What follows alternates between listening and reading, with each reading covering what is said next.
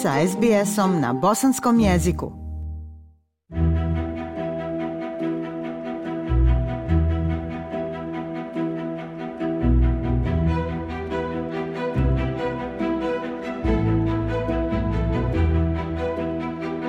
Slušate program SBS radija na bosanskom. Kako smo na pragu nove 2023. godine, polako sumiramo rezultate ove odlazeće 22. pa u narednim minutama donosimo presjek događanja koji su je obilježili. Početkom godine, kada je svijet počeo izlaziti iz najgore pandemije, međunarodnu zajednicu potresao je rat. U 2022. desile su se invazije, politička ubijstva, poplave i odlazak kraljice.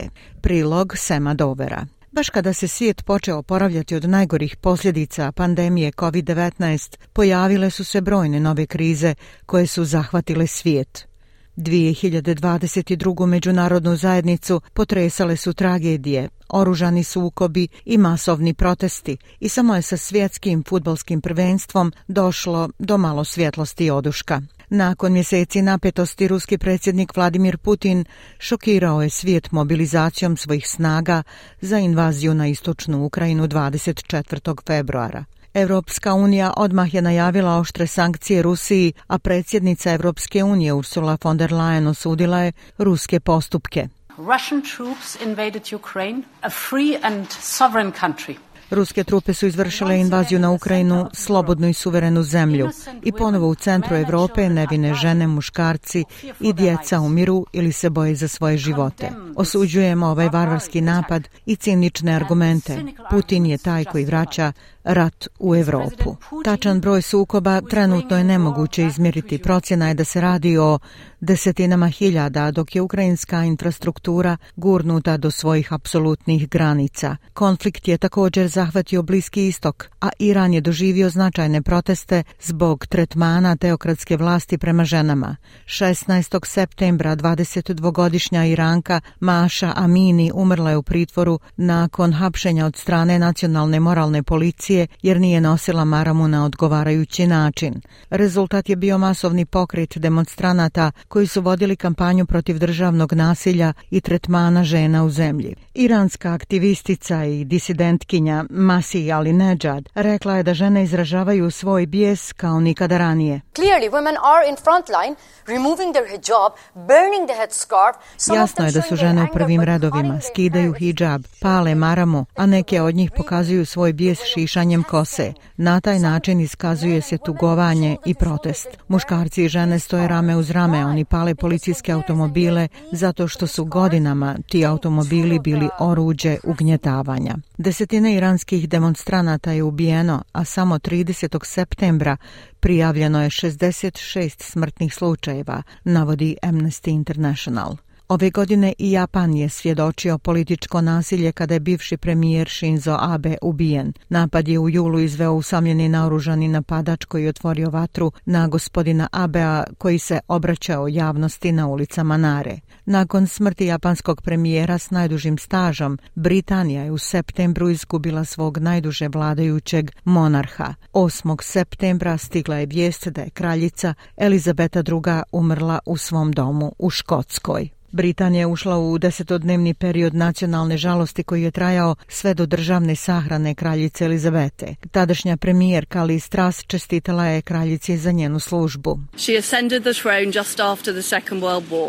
Ona je sjela na tron neposredno nakon drugog svjetskog rata. Zagovarala je razvoj Commonwealtha od male grupe od sedam zemalja do porodice od 56 nacija koje se protežu na svim kontinentima svijeta. Mi, Ujedinjeno kraljevstvo, smo sada moderna, napredna, dinamična država. Kraljica Elizaveta II. nam je pružila stabilnost i snagu koja nam je bila potrebna. Dok je Britanija tugovala, jedan član Commonwealtha Pakistan suočio se sa vlastitom historijskom tragedijom. Od juna do oktobra monsuni i poplave opustošile su zemlju, uništile kritičnu infrastrukturu i dovele do smrti preko 1700 pakistanaca. Putevi, usjevi i mostovi su odnešeni, a više od 33 miliona građana pogođeno je poplavama. 2022. doživjela je ogromne promjene u globalnoj geopolitici, a jedan od najznačajnijih dogodio se u Brazilu. U oktobru krajnje desničarski političar i predsjednik Jair Bolsonaro izgubio je svoju kandidaturu za reizbor sa 40,1% glasova u odnosu na 50,9% svoga protivnika. Novo izabrani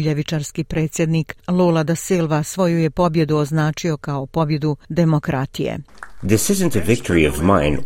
Ovo nije pobjeda ni moje ni radničke stranke, ni stranaka koje su me podržale u kampanji. To je pobjeda demokratskog pokreta koji se formirao iznad političkih stranaka, ličnih interesa i ideologija, tako da je demokratija izašla kao pobjednik. Sljedećeg mjeseca u novembru još jedan kontroverzni lider našao se na udaru kritika jer su rijetki protesti u Kini prijetili destabilizacijom zemlje. Nekoliko gradova u kontinentalnoj Kini osvijetlili su ljutiti građani koji su protestirali protiv kineskog pristupa COVID-0.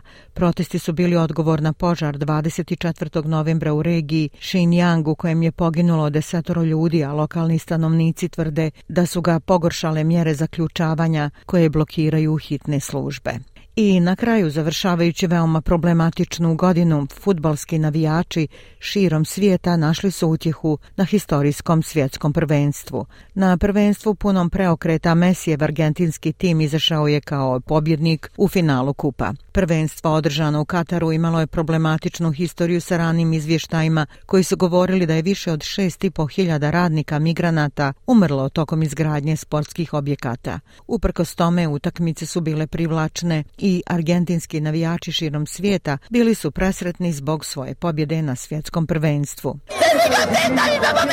I'm very happy. Veoma sam srećna. Tata mi je govorio, Valentina, želim da vidiš kako Argentina pobjeđuje na svjetskom prvenstvu. Sada ću moći podijeliti ovu emociju s njim. Svjetsko prvenstvo je po mnogo čemu bilo reprezentativno za 2022. Dakle, godina iza nas je obilježena kontroverzama, ali neosporno proslavom koju su mnogi rado prihvatili nakon godina izolacije i društvenih ograničenja. Ja sam Aisha Hadži Ahmetović. Ostanite uz program SBS radija na bosanskom jeziku. SBS na bosanskom. Podijelite naše priče preko Facebooka. Želite poslušati još ovakvih priča?